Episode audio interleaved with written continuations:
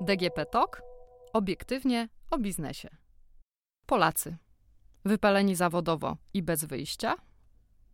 Mówią o tym zarówno naukowcy, którzy tworzą kolejne badania, analitycy sporządzający raporty, coache, którzy próbują udowodnić nam za nasze pieniądze, że na pewno możemy jeszcze bardziej podnieść efektywność dowolnej aktywności. Mówią nam o tym nasze rodziny i znajomi, choćcie ostatni trochę mniej. W końcu spotykamy się rzadko, bo właśnie praca. Od jakiegoś czasu możemy o tym całkiem sporo czytać. W Polsce nieco mniej i raczej w mediach zorientowanych na lewo. O tym, że praca jest bezsensowna, że nie umiemy odpoczywać. Równowaga między życiem i pracą, czyli work-life balance, zrobiła się modna, choć nie wszyscy mogą sobie na nią pozwolić. To alternatywa raczej dla tych, którym w miarę wysokie zarobki i niewielkie zobowiązania pozwalają w dłuższej perspektywie albo pracować krócej, albo pracować tyle samo, ale z postanowieniem wykorzystywania urlopów i niebrania nadgodzin. Oczywiście, o ile miejsce pracy w ogóle przewiduje zdrowy styl życia. Dziś jednak chciałabym opowiedzieć o czymś, co wynika z braku tej równowagi między pracą a innymi aspektami życia. I co się dzieje, kiedy spełnia się romantyzowana przepowiednia ze zdania Charlesa Bukowskiego: Rób to, co kochasz i pozwól się temu zabić. Zapraszam do kolejnego odcinka podcastu DGP Talk, tym razem na temat wypalenia zawodowego. Na początek ważna informacja. Całkiem niedawno Światowa Organizacja Zdrowia wpisała syndrom wypalenia zawodowego na swoją listę chorób i dolegliwości. Każda z chorób ma swój określony kod i to właśnie tym kodem posługuje się lekarz, gdy wypisuje nam zwolnienie. Na wypalenie zawodowe, choć to poważna sprawa, zwolnienia jednak nadal nikt nam nie wypisze. Dlaczego? ponieważ syndrom wypalenia zawodowego wciąż nie posiada statusu pełnoprawnej choroby. Prawdopodobnie uzyska go dopiero po roku 2022 i dopiero wówczas będziemy mogli, zgłaszając się z problemami, które ewidentnie na niego wskazują, otrzymać właśnie takie zwolnienie. Tymczasem należy sobie radzić w inny sposób, ale ponieważ problem ten jest tak bardzo poważny, na brak faktycznych kłopotów zdrowotnych osoba, która dozna wypalenia zawodowego, raczej, niestety, nie będzie narzekać. Co się może z nami stać, kiedy dotknie nas syndrom wypalenia? W przypadku chorób psychosomatycznych bardzo ważne są odpowiednie definicje. Pierwsze powstały w latach 70., natomiast najbardziej popularną jest definicja Krystyny Masloch, do której odnoszą się dziś badacze zjawiska. Według tej definicji doświadczamy wypalenia zawodowego, kiedy jesteśmy przepracowani, a praca, do tej pory dająca nam satysfakcję, zaczyna nas wyłącznie nużyć i męczyć. To stan, w którym wątpimy we własne umiejętności i siły, choć jednocześnie mamy doświadczenia, które przeczą takiemu mniemaniu. Czujemy się ciągle zmęczeni, wyczerpani emocjonalnie, odnosimy wrażenie, że nie podołamy obowiązkom, że praca w zasadzie nie ma żadnego sensu. Do tego dochodzą objawy fizyczne. Przestajemy dobrze sypiać, ciągle boli nas głowa, mamy problemy gastryczne, zgrzytamy zębami przez sen, czujemy nieustanne napięcie mięśni, nie umiemy się rozluźnić, a bliscy narzekają, że zrobiliśmy się nieznośni. To zdecydowanie bardzo poważny sygnał, który powinien nam zasugerować wizytę u lekarza. Długotrwały stres jako czynnik, który występuje obok wypalenia i jako jego składnik, wyniszcza nasze zdrowie i potrafi dosłownie zabić. Uważa się, że ludzie, którzy doznają syndromu, mogli cierpieć wcześniej na pracoholizm, a także, że istnieją konkretne grupy zawodowe, szczególnie narażone na ryzyko wypalenia zawodowego, to najczęściej lekarze, nauczyciele, kierowcy autobusów, pielęgniarki. Znacznie bliższe prawdy jest jednak stwierdzenie, że w każdym zawodzie, który wymaga od nas stałego kontaktu z ludźmi, wypalenie zawodowe stanowi realne zagrożenie. Możemy być menedżerem, handlowcem, telemarketerem. O skali bagatelizacji problemu w Polsce zdaje się świadczyć fakt, że niezwykle mało się o wypaleniu pisze i mówi. Oczywiście temat pojawia się w mediach, najczęściej przy okazji jakiegoś szczególnego przypadku przepracowania, albo ogólnych porad, jak zachować równowagę i nie doprowadzić do wypalenia.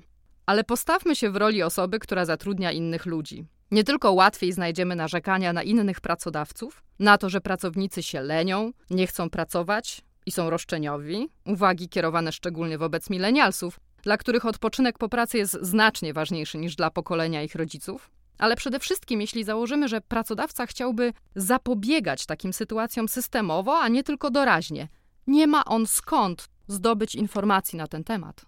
Trudno znaleźć jakiekolwiek polskojęzyczne raporty, które byłyby łatwo dostępne. Nie powie nam o skali problemu ZUS, już choćby z tego tytułu, że wypalenie zawodowe nie figuruje na liście chorób, a więc sprawa zamknięta. Nie znajdziemy takich zestawień na stronach GUS-u. Większość badaczy związanych z Centralnym Instytutem Ochrony Pracy koncentruje się na problemie utrzymywania równowagi zawodowej, ale można odnieść wrażenie, że raczej chodzi o uwrażliwienie pracodawców na to, że problem nie jest wydumany, niż na konkretnych wytycznych, jakich może użyć pracodawca. Nie znajdziemy również żadnych materiałów na ten temat na stronach Ministerstwa Zdrowia czy Ministerstwa Pracy. Krótko mówiąc, jeśli nie wierzymy, że nasi pracownicy mogą być przemęczeni, jeśli nie zakładamy, że być może praca, jaką im oferujemy, wcale nie jest pracą marzeń, a nawet jeśli była taką kilka lat temu, to możliwe, że coś się zmieniło, to w Polsce nie ma szans na to, abyśmy na poważnie czuli się zobowiązani do zadbania o panujące w firmie warunki. Jeśli dodatkowo jesteśmy szefem, który nie zna angielskiego i wszystkie tego typu doniesienia uważa za fanaberię, pracownicy nigdy nie będą mieli z nami lekko. Można spróbować uwierzyć tym spośród przedsiębiorców, dla których wypalenie jest problemem wyssanym z palca, ale jak podaje raport Stada Group Health pod tytułem The Future of Your Health, Polacy zajmują trzecie miejsce w Europie pod względem wypalenia zawodowego, zaraz po Rosjanach i Serbach. Aż 62% Polaków potwierdza, że ma za sobą doświadczenie wypalenia zawodowego lub jest na krawędzi. Jak pokazują badania, w Europie widać tendencję wzrostową. Wypalenia doświadcza już 55% Europejczyków. Wydaje się zatem, że jest to problem niemal powszechny. Dla 41% spośród badanych to dowód na to, że coś wyjątkowo złego dzieje się z naszymi środowiskami pracy. Jednocześnie można powiedzieć, że poziom wiedzy na temat tego, czym charakteryzuje się ten syndrom, jest wręcz znikoma. Tylko 8% udzieliło poprawnej odpowiedzi na to pytanie. Czy zatem pomogłaby kampania edukacyjna? Owszem. Ale żeby była skuteczna, należałoby przełamać kolejne tabu wizytę u psychiatry. Z perspektywy dużego miasta można powiedzieć, że tabu to się zmniejsza, ale problem leży w kilku miejscach. Po pierwsze, większość Polaków wcale nie pracuje w większych miastach, a po drugie, istnieje inny problem dostępność lekarzy psychiatrów. Stan polskiej psychiatrii i jej dostępność poza prywatnym sektorem medycznym jest opłakany. Mniejsze miasta albo nie posiadają odpowiednich specjalistów, albo znów, a najczęściej jedno i drugie, ich mieszkańcy obawiają się skorzystać z pomocy psychiatry czy psychologa, z uwagi na lęk przed społecznym ostracyzmem. Warto zastanowić się nad przyczyną stanu, w którym się znajdujemy. Dlaczego właśnie te trzy kraje Rosja, Serbia i Polska to kraje o największym poziomie wypalenia zawodowego w całej Europie?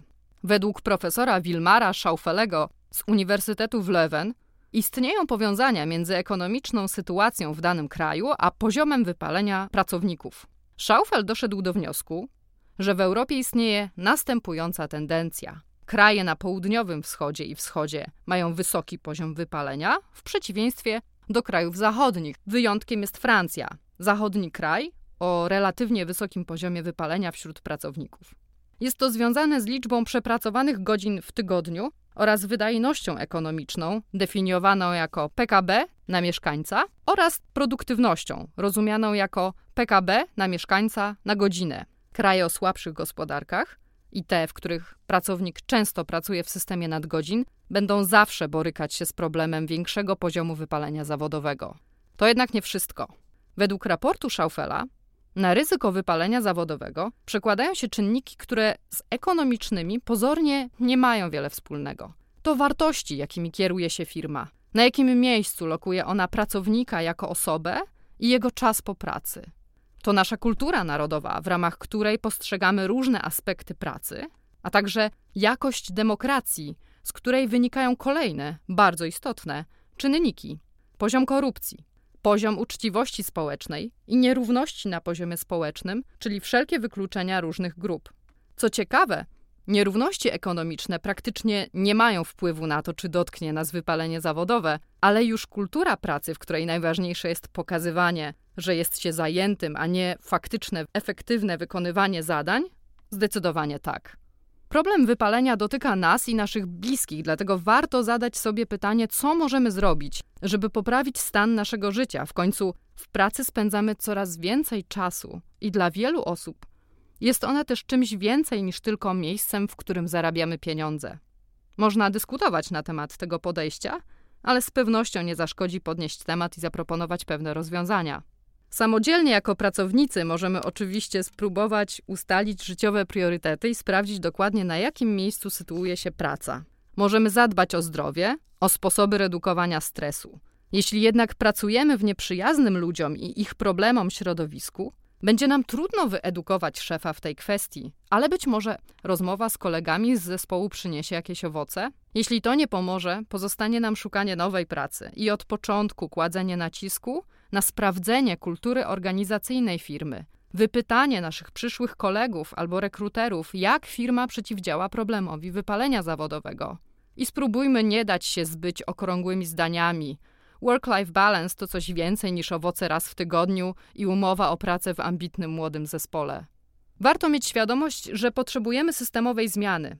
Nie tylko odgórnej w postaci lepszej opieki zdrowotnej, której zasługą byłoby zapewnienie nam równie dobrego stanu zdrowia psychicznego co fizycznego, ale także zmiany na poziomie organizacji, a zatem również nas samych. Pracodawcy być może sięgną po nowe rozwiązania w kwestii budowania swoich firm, Przydatna byłaby z pewnością zmiana struktury organizacyjnej z hierarchicznej, w której wciąż jeszcze tkwi znaczna część polskich przedsiębiorstw, do tak zwanego modelu turkusowego, w którym hierarchia nie występuje, za to zespół wspólnie pracuje, by osiągnąć konkretny cel.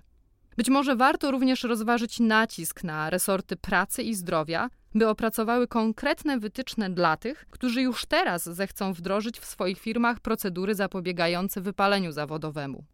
Wypalenie zawodowe kosztuje nie tylko pracownika, który płaci w najwyższej walucie swoim zdrowiu, ale także przedsiębiorcę, który o wypaleniu zawodowym woli nie wiedzieć.